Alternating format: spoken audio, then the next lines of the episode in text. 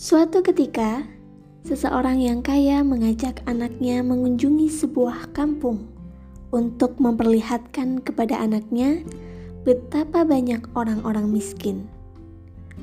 Mereka menginap beberapa hari di sana.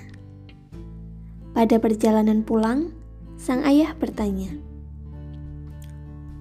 "Bagaimana perjalanan kali ini, Nak?" "Wah, sangat luar biasa, Ayah," jawab sang anak.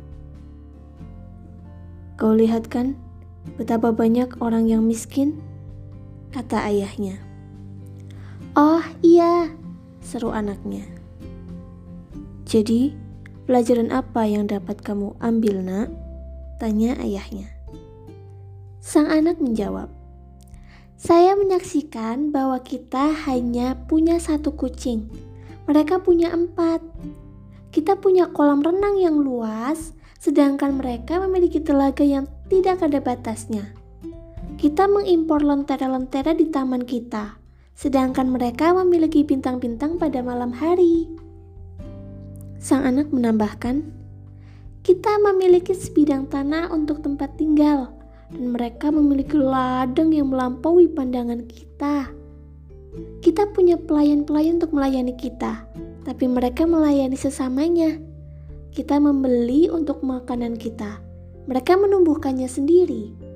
Kita mempunyai tembok untuk melindungi kekayaan kita, dan mereka memiliki sahabat-sahabat untuk saling melindungi.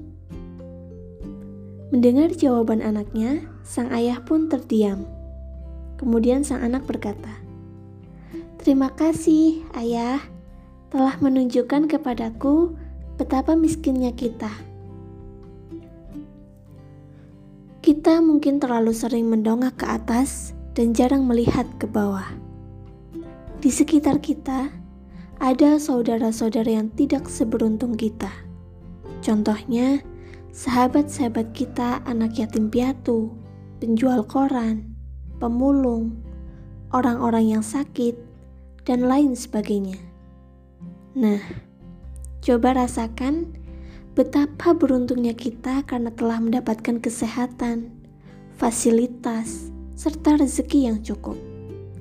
Oleh karena itu, jadilah orang yang mudah bersyukur. Mari kita ucap Alhamdulillahirrabbilalamin Sekali lagi, bersyukurlah.